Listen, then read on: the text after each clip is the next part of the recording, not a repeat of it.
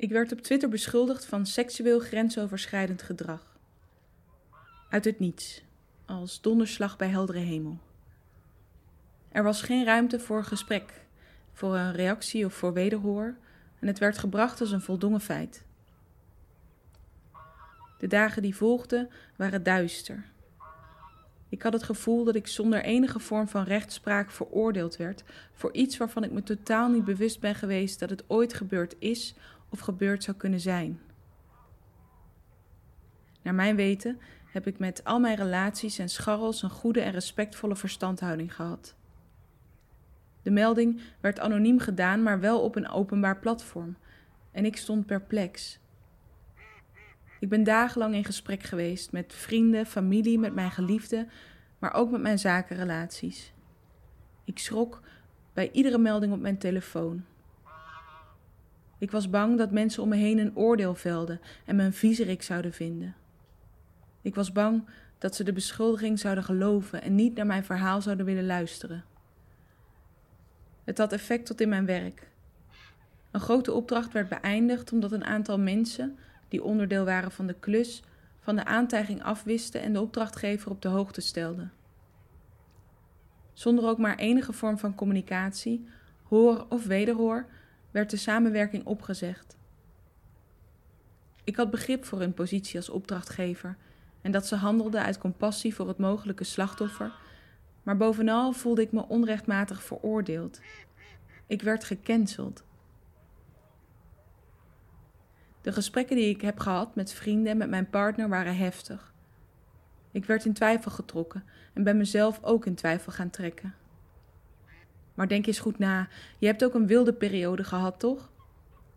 Ik vind het lastig je op je woord te geloven, want ik ben heel begaan met slachtoffers in deze situatie. Gelukkig kreeg ik ook veel steun en bijval van goede vriendinnen. Rationele en relativerende gesprekken hebben me heel erg geholpen. Het voelde verschrikkelijk. En het voelt nog steeds heel naar als ik eraan terugdenk. Het voelde alsof de hele wereld mij vies en achterbaks vond, zonder enige kans op rectificatie.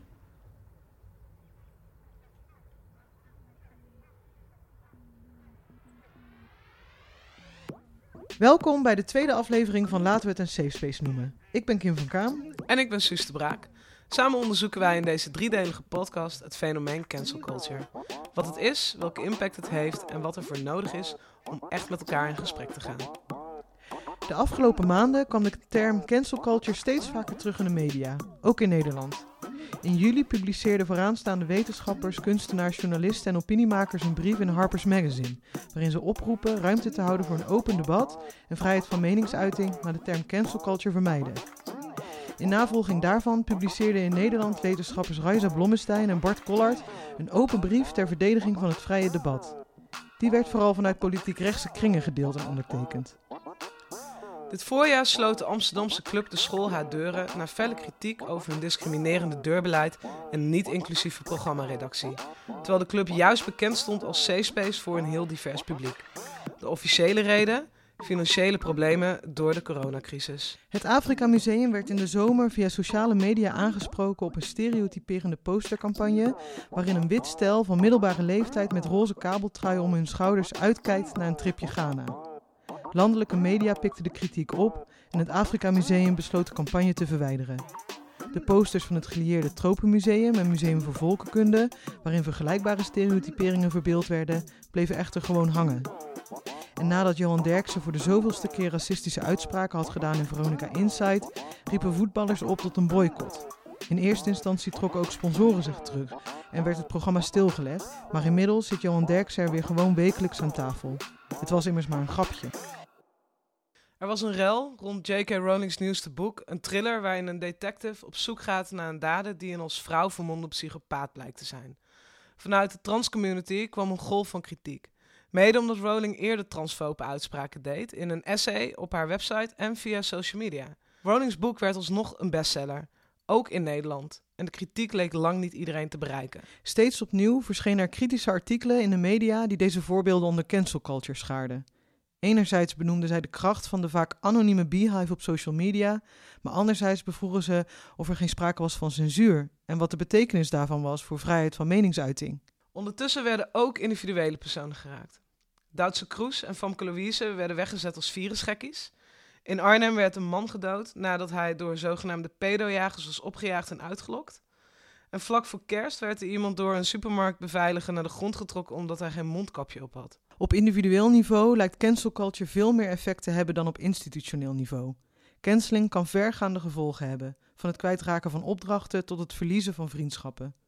In deze aflevering gaan we in gesprek over en met personen die onderdeel waren van een gebeurtenis waarbij zij gecanceld werden, over hoe het hen raakte, wat de gevolgen waren en wat het opleverde. Toen Suus en ik brainstormden over geschikte gasten voor onze podcast, moest ik al snel aan Elfie Tromp denken. Ik ken haar vooral als schrijver, performer en theatermaker, maar al enige jaren timmert ze ook aan de weg als interviewer, presentator en columnist. Ze is daarbij vaak direct, provocatief en scherp. In 2019 kreeg ze een golf van haat over zich heen door een column die ze schreef over Urk en Geert Wilders voor Radio 1. Nadat een Marokkaanse familie in het dorp belaagd was vanwege een ogenschijnlijk klein en onschuldig akkefietje, schreef Elfie dat het dorp wat haar betreft teruggegeven mocht worden aan de zee. En dat Geert Wilders en zijn discriminerende uitspraken over Marokkanen aan de basis stonden van deze gebeurtenis. Ik herinnerde me vooral hoe Elfie reageerde op sociale media. Ze beantwoordde de haat met liefde. Op doodverwensingen schreef ze iets over de hobby's van de bewuste persoon. Goh, ik zie dat je van karpers houdt. Mooie dieren zijn dat. Vaak viel alle haat dan meteen weg en reageerde de hater met vriendelijk enthousiasme. Knap vond ik dat, om het zo te kunnen buigen, de haat van je af te kunnen laten glijden. Dus ik mailde Elfie of ze met ons in gesprek wilde gaan. We realiseerden ons niet dat Elfie nog wekelijks benaderd wordt met soortgelijke vragen van allerlei programmamakers, redacteuren en interviewers die in gesprek willen gaan over de gebeurtenissen na de column over Urk en Elfie daarmee min of meer reduceren tot dat voorval. Ook wij gingen hieraan voorbij. Formuleerde geen echte vraag voorafgaand aan deze mail en focuste vooral op de Elfie Tromp op sociale media. In plaats van te denken aan het persoonlijke verhaal en de heftige gevolgen die het gehad moet hebben. Ik belde er uiteindelijk uitgebreid met Elfie over. Hoe zij zich in de steek gelaten voelde door haar eigen beroepsgroep. Hoe ze niet meer gevraagd werd voor schrijfopdrachten of optredens door de sector waar ze uitkwam.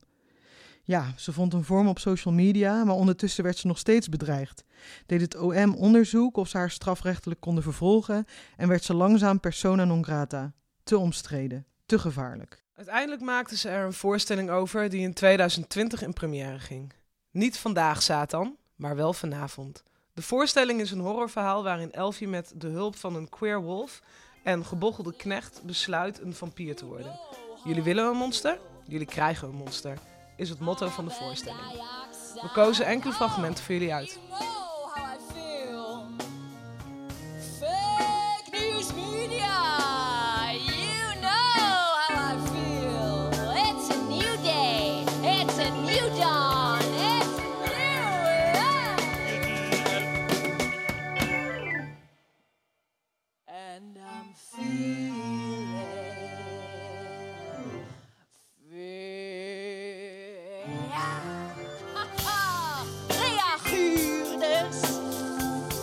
Bedreigen mij.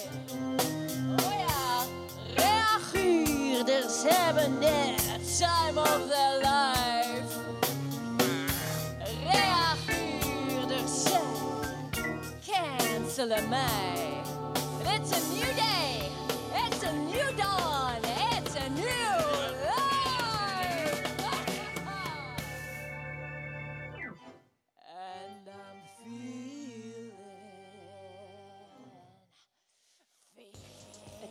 zo'n overdadige, domme, domme zomerdag.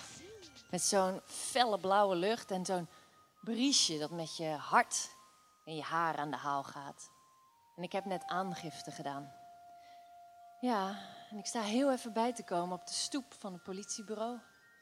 Even niks, de zon op mijn snoetje, voor de rest even bijkomen. En dan loopt er een vrouw voorbij. Ja, een beetje zoals u.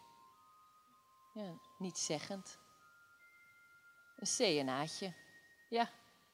Kort haar, praktische schoenen. En zo'n rolkoffertje voor de boodschappen. En haar schaduw valt over mij heen en ik open mijn ogen.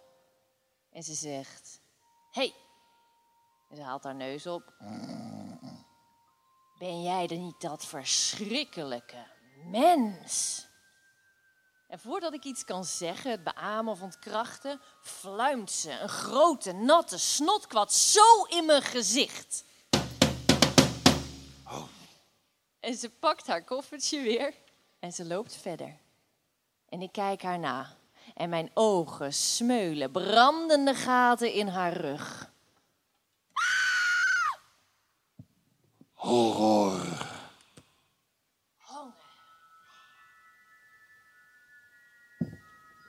Mag ik even zaallicht? Ja, jongens. Jongens, dit is hem. Mag ik even weten hoe jij heet? Victor. En Victor?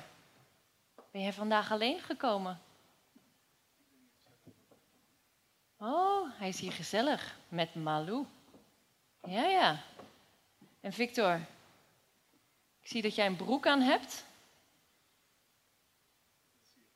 Ja, ja, dat dacht ik al. Ja, jongens, het is hem. Ja. Het is niet, eh, niet de eerste keer hè, dat ik jou zie. Of wel soms, Victor. Jij loopt heel de week al door mijn straat, of niet? Hè? Jij koopt de hele tijd, zit jij door mijn, door mijn raamkozijn te koekeloeren, of niet soms, Victor? Ja. Ja. Ik zal het even uitleggen. Ehm ja, dit show is whatever, maar ehm, ik, ik, word dus al een tijd bedreigd. Het is wel onder controle hoor. Politie houdt de social media en zo in de gaten. Mijn moeder belt wat vaker. Maar ehm, nou ja, Eh, er, is, er is dus een oproep geweest in zo'n vergrendelde chatgroep. En ik wilde het eigenlijk aflasten vandaag, want ze zouden komen. Licht in mijn ogen zou moeten breken, mijn botten, alles kapot, klaar. Voor eens en voor altijd en iedereen, iedereen om me heen ook. En eh, nou ja, nu zie ik hem hier zitten. Hè, Victor. Of moet ik zeggen, Cumbucket 64. Waarom een vampier? Eh, Ja, sorry, ik zeg niet zoveel. Ik ben meer van de muziek. Maar waarom wil je een vampier worden? Ik bedoel, ik vind het zo benauwd, die fantasieën van overmeestering. De romantisering van aanranding. En dat kuisheidsfetischisme. Gadverdamme. Ja, eh Tring Tring. Hallo? Verkrachtingscultuur belt en wil zijn achterhaalde vrouwenbeeld terug. Ja, ja. en dan mannen als monsters zien die ons moeten overmeesteren. Ik vind dat zo treurig. Ik ben graag mijn eigen vrouw. Oké, ja, goed. En weet je waar me dit allemaal aan doet denken? Dit? Elke linkse vrouw heeft gewoon een rechtse man nodig. ja. En kunnen we het dan meteen even hebben over het geweld tegen vrouwen als vermaakzin? Lekker kijken hoe er weer een vrouw aan flarden wordt gescheurd. Wat een amusement zeg. Uh, Top vermaak. Ja. En heb je de statistieken wel eens op nageslagen? Statistieken. Statistieken. Femicide. Vrouwen die worden vermoord simpelweg omdat ze vrouw zijn. En dat is zo'n probleem sinds ze besloten dat mannen de gezagshebbers werden. En dat is nog steeds een probleem. Vrouwenhaat is een probleem. Ook onder de ondoden. Ja? Ja, Elfie. Kan jij als feminist wel van Dracula houden?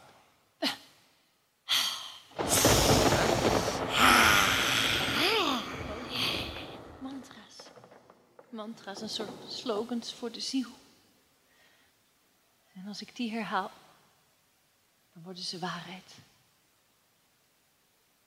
Dat geloof ik echt. Dat is me althans beloofd. Die slogans zijn mantra's. mantra's. Positief. Kom positief. Gewoon positief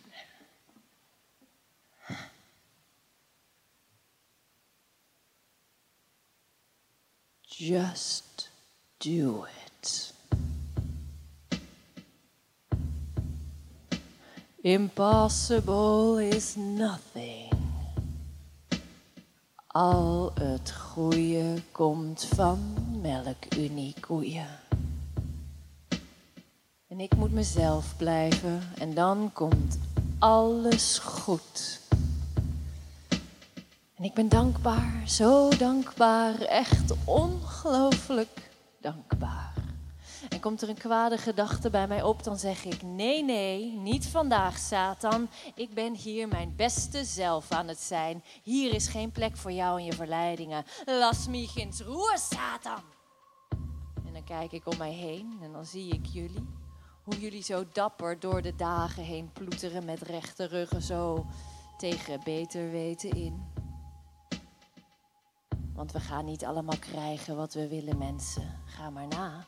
Er is niet genoeg ruimte, niet genoeg wereld voor ons allemaal om een plek te krijgen. Er is niet genoeg begrip om ons allemaal te vergeven. Er is niet genoeg liefde om ons allemaal te verwarmen. Beseffen we dat wel? En dan kun je wel zeggen dat het meevalt, maar het valt niet mee. Jullie zien toch ook wel dat we verkruimelen, jongens? Hè? Hè? Dat, dat, dat er geen verbondenheid meer is, dat die er nooit echt is geweest. Want dat grote mooie vroeger van vroeger, hè? waar jullie allemaal zo gek op zijn, daarin wilde je geen slaaf zijn of een soldaat of een vrouw. Nee, nee, blijkbaar kunnen wij niet leven zonder iets of iemand te onderdrukken. Ja, de manier waarop wij leven, mensen, dat holt de wereld uit, het holt ons uit. En dan proberen we dat gat te vullen met warme gedachten, zachte gedachten, lieve gedachten. Maar er is niet genoeg wereld, mensen, niet voor ons allemaal. Beseffen we dat wel? Hallo, ik spreek hier de waarheid. Luisteren jullie wel? Jullie gaan niet krijgen wat jullie willen. Dit is wat het is. Het leven is een leidersweg.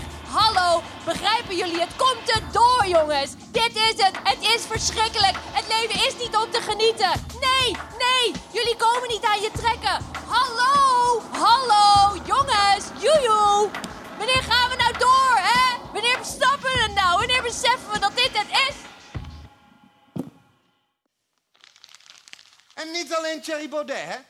Je hebt ook gezegd dat Urk teruggegeven moet worden aan de zee. Oh my god, dat is toch een overdrijving? En overdri- het roept op tot genocide. Ja, genocide. En nou, laten we doorgaan. Eh, eh, eh, Zwarte Piet heeft je over... Nou, vul zelf maar in trouwens.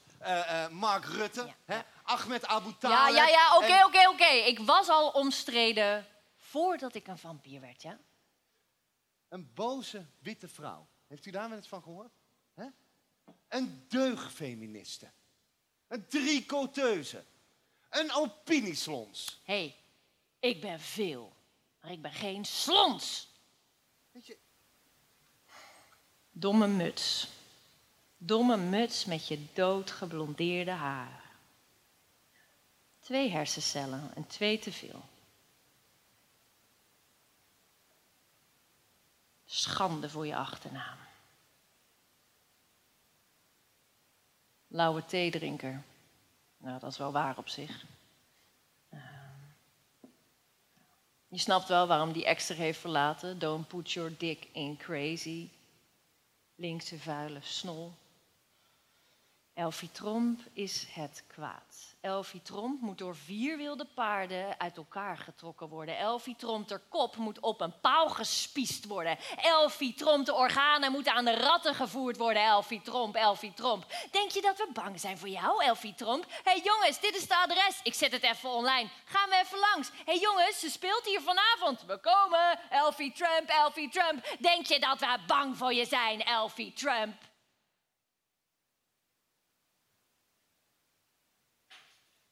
Weet u hoe het voelt? Om gehaat te worden.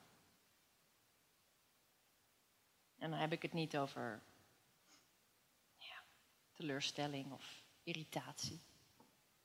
Maar ik heb het over pure, onversneden, blinde haat. Het zijn niet de mensen, de monsters die ik vrees hoor zijn de mensen. Weet je nog dat Andy Warhol zei dat we allemaal 15 minuten beroemd zouden worden? Ik voorspel dat we allemaal 15 minuten berucht gaan worden. Want het gebeurt niet alleen mij, hè? Het overkomt steeds meer mensen. En mijn vrienden zeggen dat ik me niet moet aanstellen, dat ik me niet moet laten raken. En die hebben een dikke huid. En het is Wolfie die me op het idee brengt. Want die zegt, Je moet gewoon jezelf blijven. En ik denk, ja, ja, ik moet gewoon mezelf blijven. Ik moet terug naar de kern, naar de basis. Ik heb dit al eerder gevoeld. Ik ben meer dan dit wekenlijf. Ik ben meer dan deze kluwe angsten.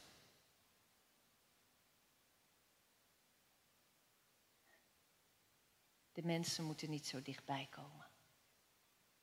Ze moeten terugdeinzen. Misschien heb je zeer gelijk. Misschien ben ik wel verschrikkelijk. Maar jullie vinden al dat ik een monster ben. Jullie willen dat ik een monster word. Nou jongens.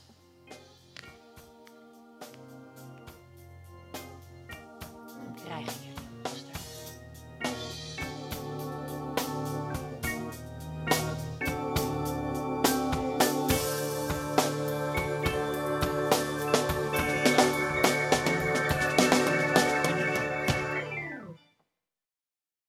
Het was het onduidelijk wat het haar zou opleveren om door ons geïnterviewd te worden over cancel culture, anders dan nog eens alle bedreigingen en haat als een soort entertainment te revisiten. Ons was blijkbaar nog niet helder hoe we onszelf tot een casus als deze verhielden. Waar waren we naar op zoek? Welke vragen hadden we precies? Zijn wij kritische beschouwer of zijn we ook allies? Heb jij me in de tijd na de column op enige wijze gesteund met een persoonlijk bericht of op social media? was een van de eerste vragen die Elfie me stelde in ons telefoongesprek. Ik steunde Elfie in gedachten, maar nee, hierover had ik me niet hardop uitgesproken. Hadden we steun kunnen betuigen? En hoe hadden we dat dan kunnen doen?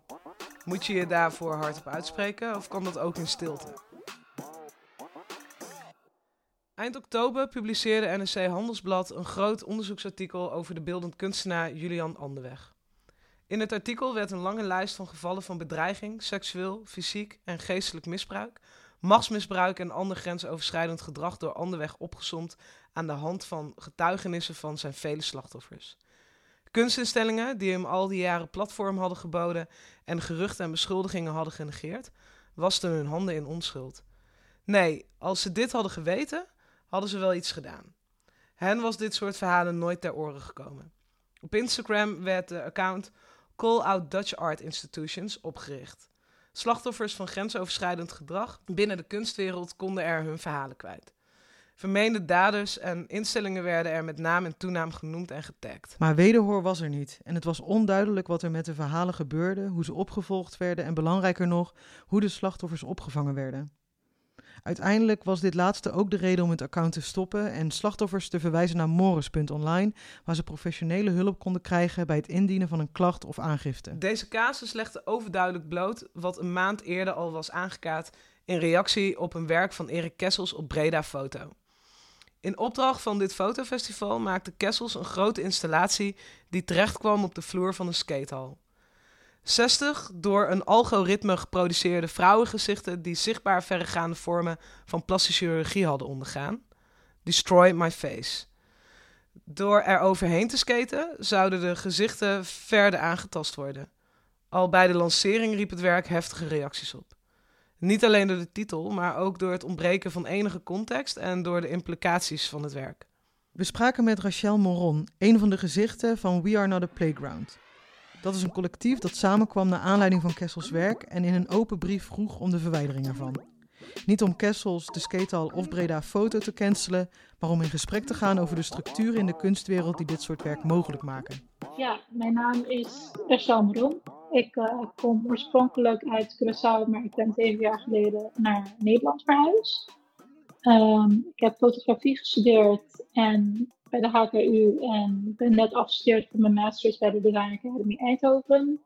Uh, ik heb vooral een soort van een achtergrond, als visueel onderzoeker, wat eigenlijk iets is dat tussen een fotograaf en een schrijfster in is, I guess, of researcher in is. Um, en afgelopen september heb ik samen met mijn grote Ingerius um, We're Not The Playground um, ja, opgericht. Is een beetje een, een, grote term, want we zijn niet echt iets serieus, denk ik. Maar uh, we, we, zijn het begonnen, laat me het zo maar zeggen. Of we zijn de gezichten ervan in ieder geval. Wat, dus, uh, dat.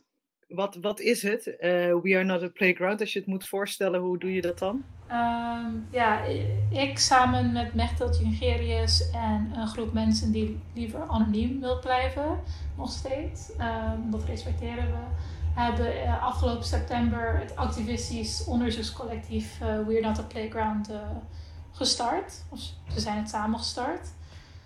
En dat betekent eigenlijk dat we een soort van academisch theorie samen paren met actie. En, en op dat wijze um, van hele ja, vage concepten of ja, misschien minder begrijpelijke concepten goed kunnen uitleggen aan mensen en kunnen laten zien wat dat kan betekenen in de long run. Je maakt eigenlijk een vertaalslag van wat al speelt in een of een vertaalslag naar uh, meer begrijpelijk, zeg maar. Ja, en we zijn ook van mening dat binnen academische teksten er heel vaak wordt gepraat. Of ja, er, er wordt heel vaak gedaan van what if, weet je, like, stel je voor. En wij proberen dat stel je voor dan een beetje uit te proberen. En het echt te doen in plaats van er steeds alleen maar over praten. En jullie zijn een, groep uh, zei je. Een aantal mensen willen anoniem blijven. Met welke reden is dat, als ik mag vragen? Um, ja, uh, een grote groep van de mensen die ons uh, helpt achter de schermen, die zijn mensen die binnen instituten werken. En die, die willen liever gewoon niet ja, met hun naam erbij, erbij horen. Liever ook gewoon zodat ze hun baan lekker makkelijk kunnen voorthouden. En ook hun eigen soort van activistische acties op hun eigen takje kunnen doen binnen de instituties. Kan je ehm, iets vertellen over hoe uh, het is ontstaan? Ja, um, dus Not a Playground die is ontstaan afgelopen september toen uh, de grootste fotofestival van de Benelux, en dat is ja, Breda Foto, een werk had tentoongesteld dat heet Destroy My Face, waarbij gezichten van vrouwen um, gemanipuleerd werden of genomen werden van Google en op de baan van een skatepark gezet werden. En deze gezichten van deze vrouwen die hadden like bad plastic surgery, dus ze waren ook deformed op een bepaalde manier. En het hele idee, of tenminste in de tekst van deze werk stond er dat deze mensen monsters van society waren geworden. En ja, dat hun gezichten al kapot waren, dus ze konden weer kapot gaan. Pretty much. En dat vonden we gewoon verbazingwekkend dat zoiets gemaakt kon worden in 2020. Maar vooral dat we, we weten allebei hoe het is om in zo'n soort van festivalsetting te werken en door hoeveel mensen het gegaan moet zijn. Dus echt, het is waarschijnlijk door meer dan 50 mensen gezien, bekeken, geprint, geplakt, uh, de tekst geschreven, geëdit, dat soort dingen. En niemand heeft er wat van gezegd. Of iemand heeft er wat van gezegd, maar ze werd niet naar geluisterd. Dus dat is sowieso al een soort van structuur dat niet klopt. Als niemand daar wat van zegt of er niet naar wordt geluisterd. En we dachten, ja, we kunnen dit niet laten gaan. En toen hebben we met z'n, ongeveer met z'n twintigen initieel een, een brief geschreven. Een open brief geschreven naar de mensen van Breda Foto en van het skatepark. Met de suggestie om A. het werk weg te halen. Uh, B. om soort van uh, te zeggen van oké, we snappen het, we hebben iets fout gedaan en we gaan het beter doen. En ook uitleggen hoe ze dat beter gaan doen. Um, door middel van transparantie of door middel van uh, bepaalde acties die ze gaan doen binnen hun soort van festival. Um, nadat we een soort van hele uitleg hebben gegeven waarom het werk eigenlijk echt best kut is. En niet meer kan. Dus dat is hoe Playground is begonnen. En dat is viral gegaan. En we werden meteen bestempeld als cancel culture. En ik denk dat jullie ons daarom hebben uitgenodigd.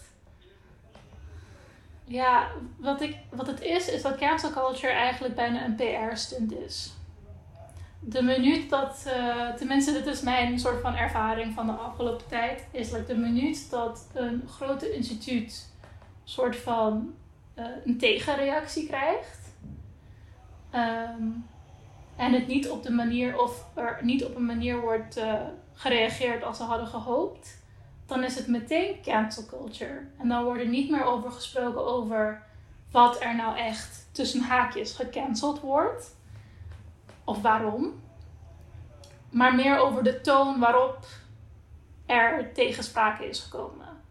En dan gaan alle artikelen die daarover geschreven worden niet over het kunstwerk of over het ding dat gecanceld wordt, maar over de manier waarop de mensen erop reageren en hoe heftig dat nou weer is. Want wat, wat is het volgens jou, cancel culture? Nou ja, ik vind dat die term cancel culture, dat, dat, dat heeft een hele sterke um, geschiedenis binnen Black Twitter. En nu wordt het voornamelijk gebruikt. Uh, ik vind dat cancel culture iets is als like, um, dat je de andere persoon niet meer de kans geeft om uitleg te geven. Ik denk dat de, de soort van de, de hoofdvoorbeeld van cancel culture is dat verhaal van die vrouw die een keertje een soort van hele domme tweet had uitgestuurd voordat ze op een super lange vlucht was gestapt. En dan twaalf uur later kwam ze uit het vliegtuig en had ze geen baan meer. Was ze uitgeuit als racist. Uh, was ze in alle soort van newspapers en dat soort dingen, maar kon ze eigenlijk geen reactie geven.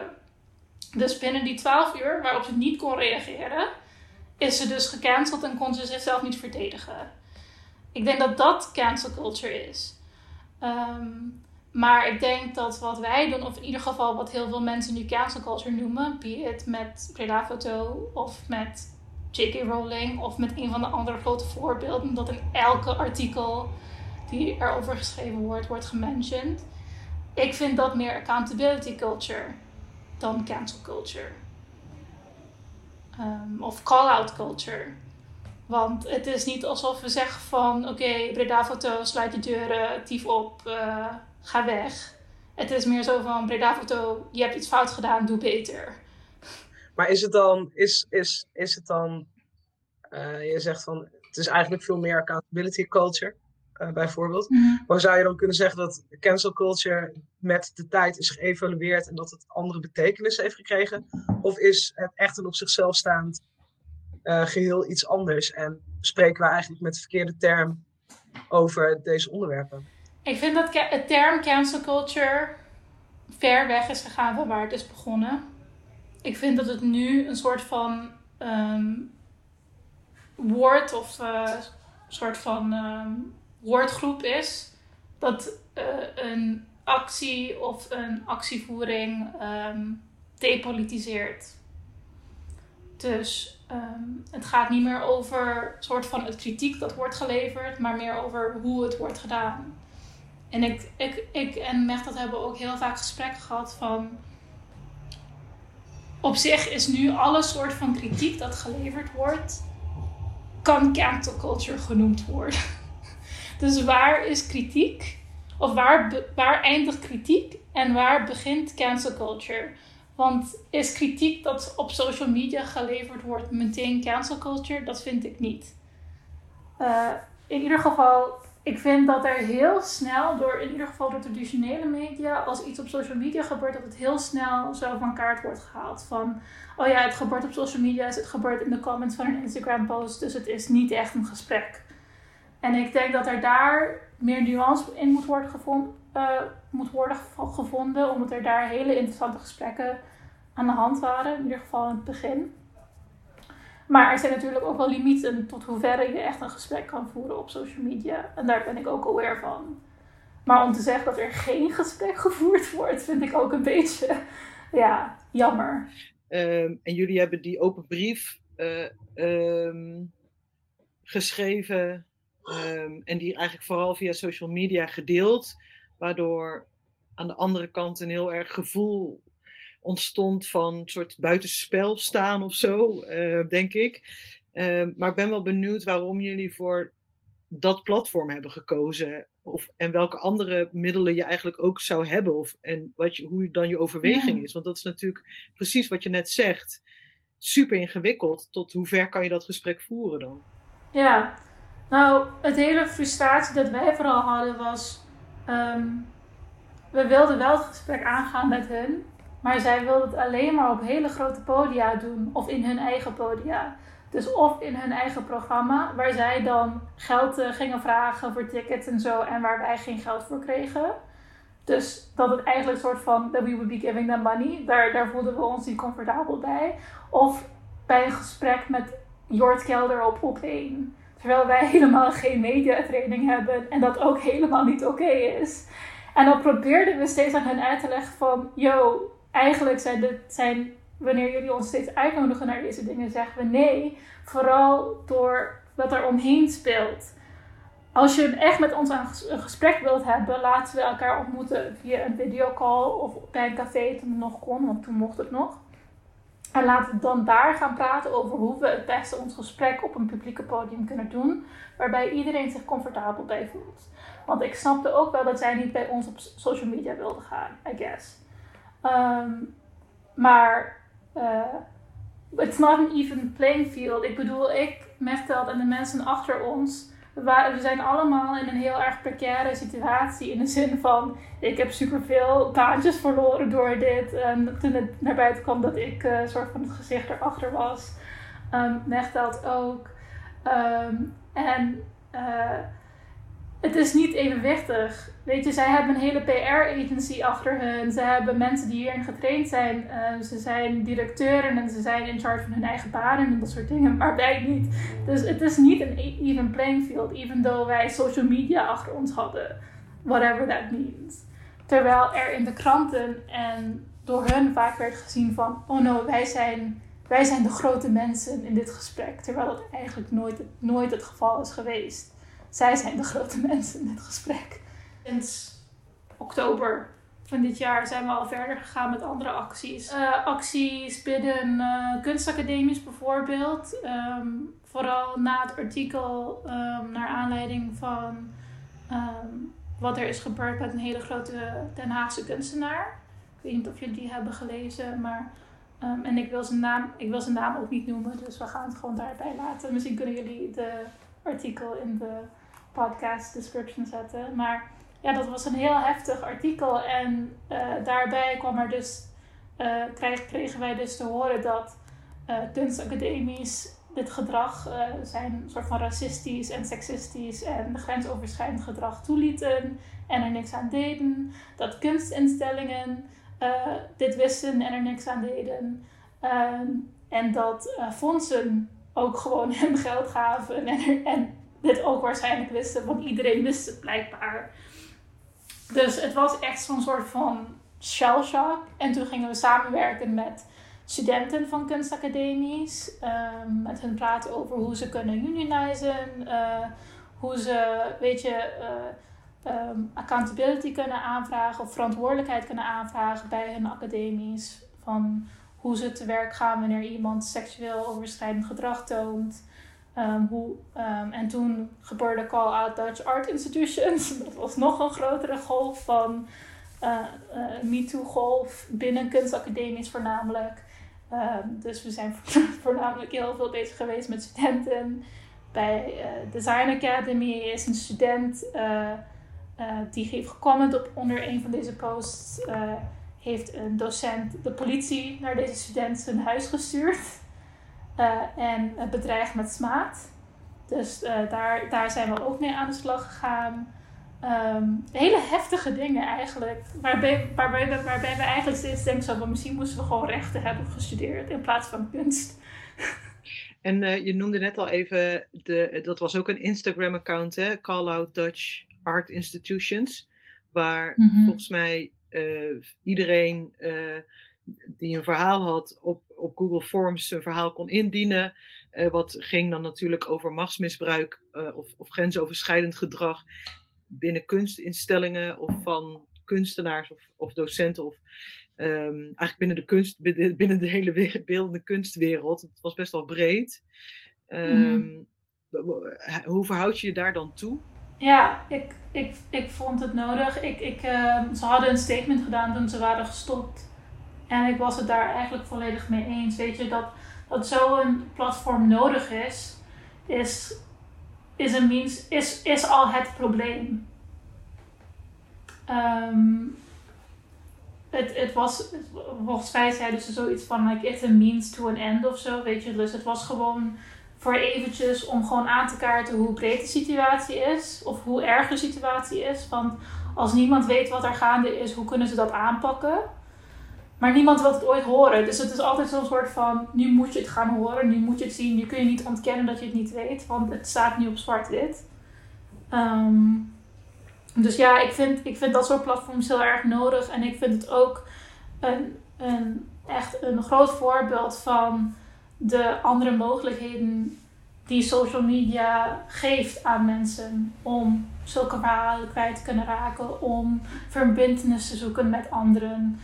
Ehm, want ik heb met heel veel vrienden gesproken nadat uh, dit buiten was gekomen, nadat zij waren begonnen met dit. En er kwamen zoveel verhalen naar boven van, oh wacht, ik heb dit ook meegemaakt, maar ik heb het gewoon weggedaan. Omdat, weet je, ik er niet mee wilde dealen. Maar nu, um, en als je dan merkt dat letterlijk elke vrouw die ik ken die in de kunstsector zoiets heeft meegemaakt, uh, maar er nooit aan wordt gedaan, dan word je alleen maar bozer en wil je gewoon er steeds meer iets aan doen. Dus uh, ik weet niet of dat echt een goed antwoord is op je vraag, maar hoe ik er mee verhaal is, ik vind zulke dingen echt nodig. Ik weet niet of het de beste manier is. Uh, ik vind dat dit een soort van aanleiding moet zijn voor een officiële onderzoek die dit wel kan aantonen, ja of nee. Maar ik vind het zeker wel nodig. Want uh, ja, die verhalen die daarop zijn, zijn echt heel erg. Maar er was, ja, ik vraag het ook omdat ik het een interessante casus vind. Uh, want het, ik denk dat het een methode is of een middel is om iets open te breken. Waar, waarop verder onderzoek nodig is, inderdaad, voordat iemand, uh, ja. wie dan ook, veroordeeld kan worden of wat dan ook. Maar in de praktijk is dat natuurlijk niet per se wat er altijd gebeurt. En, uh, en is juist ook precies hoe je eigenlijk zelf net cancel culture omschrijft. Mm -hmm. Dat kan het ook tot gevolg hebben of zo. Een, een platform als deze waar geen tot weinig ruimte is voor uh, uh, wederhoor. En um, ondanks het feit dat ik, dat ik heel erg geloof in dat die verhalen echt een plek verdienen, omdat die dat nooit hebben gehad, denk ik ook dat er ook slachtoffers vallen bij een actie als deze, die uh, ook heel erg onterecht zijn en die heel vergaande gevolgen kunnen hebben voor die individuen over wie dat gaat. Ja, ik weet niet. Ik denk dat ik uh, daarin meer radicaal. Ja, ik wil niet radicaal zeggen, maar ik, ik heb gemerkt in gesprekken, voornamelijk met mijn vriend ook, uh, dat ik geen, geen nuance hierover heb. Het is heel erg dicht bij mijn hart. Dat ik, uh, um, want ik had ook die forms gezien en uh, er, staan, er staan drie checks of zo dat je moest doen voordat je ging inleveren. En de eerste was like, oké, dit verhaal is waar, punt. En dan gaan ze er niet meer op verder. Um, de tweede was alle mensen die in dit uh, verhaal benadeeld zijn, dus slachtoffers zijn, die, uh, die, die, like, zeg maar, die kan herkennen. Die hebben ook toestemming gegeven, want het is ook hun verhaal. En er was een derde, maar dat weet ik niet meer. Um, maar ik vind dat soort checks al genoeg om voor mij te zeggen van oké, weet je, ze moesten echt checken dat het klopte, dat het waarheid was. En daarna is het voor mij afgelopen. Dan, dan boeit het me eigenlijk helemaal niet of die persoon een vriend van mij was die genoemd is of een complete stranger. Um, want uh, ja, er is zo dit soort van formulier of dit soort van infographic van, van rapists die worden, die like 99% of rapes don't get, uh, don't get, um, don't get convicted. To like uh, 1% uh, or 2%, like almost 2% get convicted, and then the 0.01% is like a fake accusal or like a, onterechte accusal, accused. En ja, oké, dus er zullen altijd wel victims vallen, maar dat is echt een, een veel kleiner percentage dan de percentage van mensen die slachtoffers zijn geweest of die, die, die dit soort dingen hebben meegemaakt. En ik vind hun eigenlijk belangrijker in dit aspect.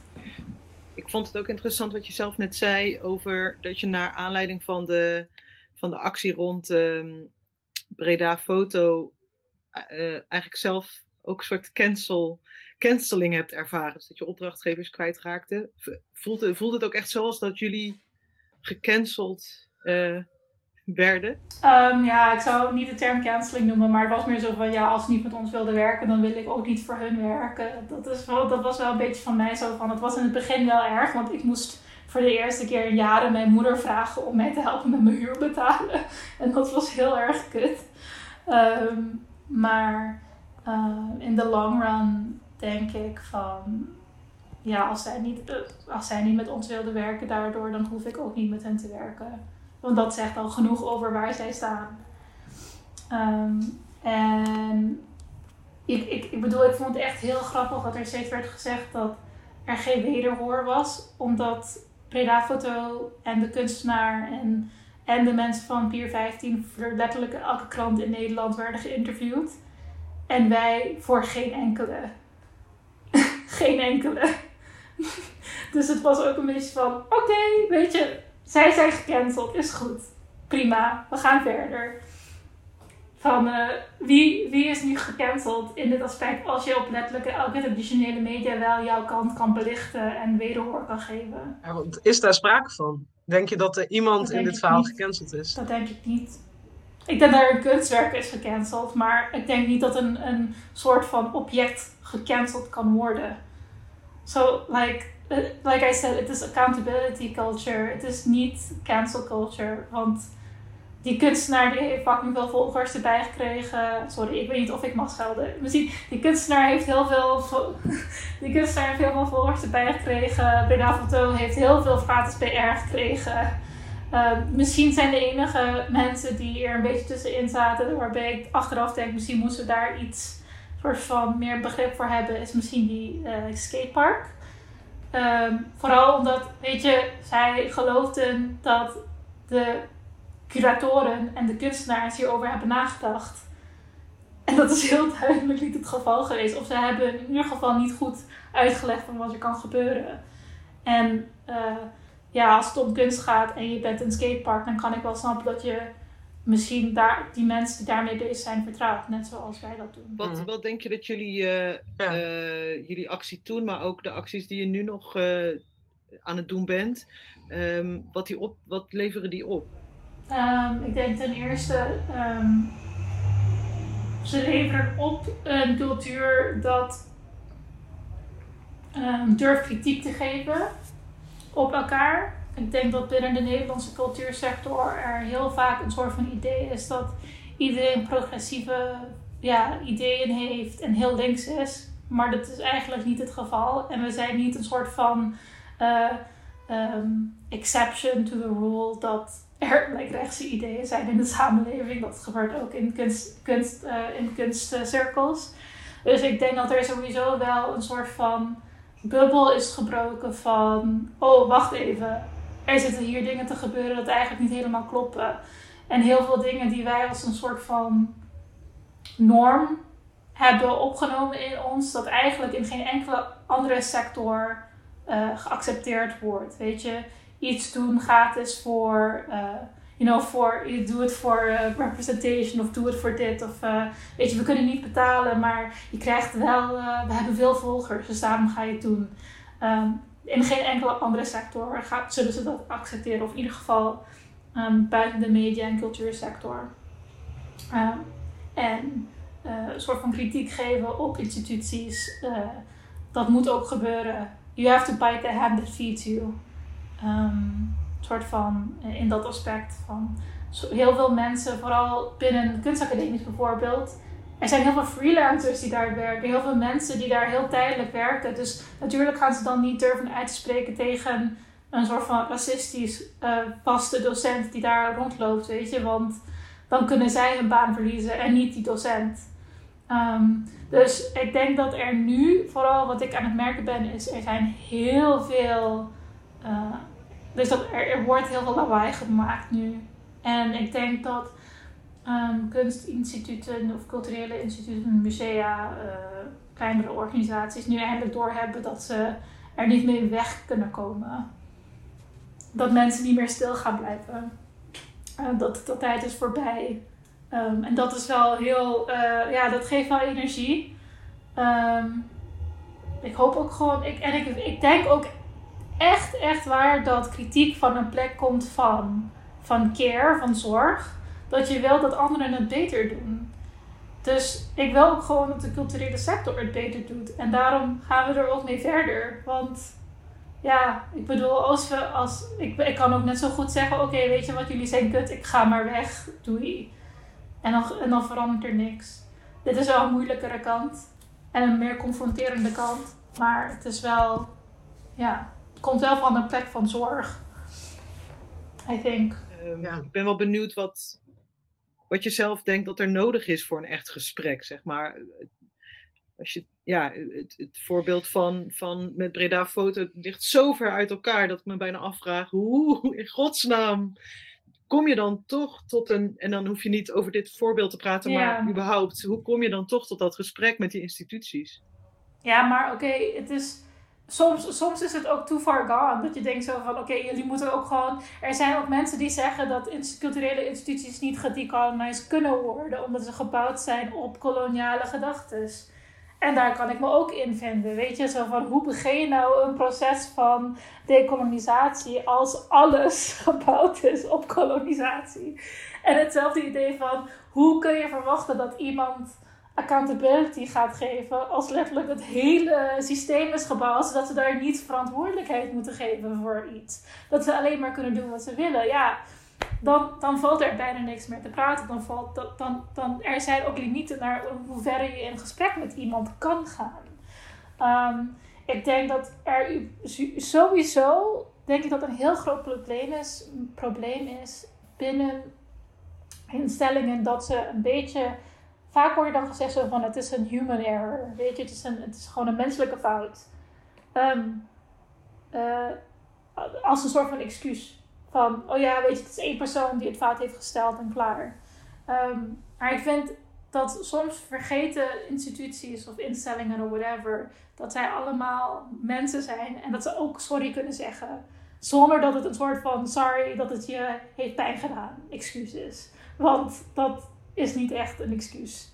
Dat is, I'm sorry you felt that way. Dus je, je, gaat het weer, je gaat het weer pushen naar de persoon die het pijn heeft gedaan. In plaats van dat je echt zegt, oh wacht even, ik, ik heb een fout gedaan. Ik als een instelling heb een fout gedaan. Ik als een groep mensen hebben een fout gedaan. En dit is hoe we het gaan aanpakken. Dus het moet niet alleen maar bij sorry blijven. Het moet ook sorry en dit is wat we daaraan gaan doen.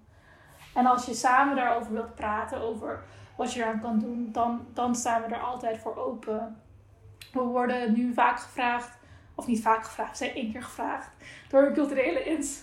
We zijn door een culturele instelling uh, gevraagd of we bijvoorbeeld een, een panel willen gaan doen met, uh, binnen hun instelling. En we hebben gezegd dat we alleen maar willen meedoen als het niet, meer, niet alleen bij een gesprek blijft, maar als ze kritiek willen hebben, dat ze ook iets met die kritiek gaan doen. En dat het niet alleen maar een kijk hoe goed wij zijn, wij hebben deze mensen uitgenodigd en ze staan aan onze kant. Weet je, het is meer zo van jullie moeten ook er open voor staan. Niet alleen om de kritiek te horen, maar ook echt iets aan te doen. Dus ik weet niet of dit een antwoord is op je vraag, maar wat er nodig is voor een gesprek is ook een openheid om er echt iets aan te veranderen. In plaats van alleen maar steeds debatten voeren. Want ik ben echt klaar met dat debatcultuur. Het is echt een beetje vermoeiend om uh, steeds dezelfde debatten te horen. Ik heb echt vier, vier debatten gehoord over cancel. En ze, noemen allemaal dezelfde voorbeelden en allemaal dezelfde soort van uh, ja, uh, voorbe ja, voorbeelden en, en betogen en dat soort dingen. Dan denk ik, oké, maar het gaat nooit verder dan dit. Waar, waar komt de, wanneer komt de volgende stap? Dus ik, wat ik zou, zou zien voor gesprek is dat het gesprek altijd gepaard zal gaan met acties. Of met een soort van na, naleving. Of een, een reflectie met een actie. Ik wil niet, ja, daar ben ik gewoon een beetje klaar mee. Met alleen maar praten. Ik wil dat, als, vooral als je over instellingen gaat, vind ik dat het verder moet gaan dan dat. Ja. Helder.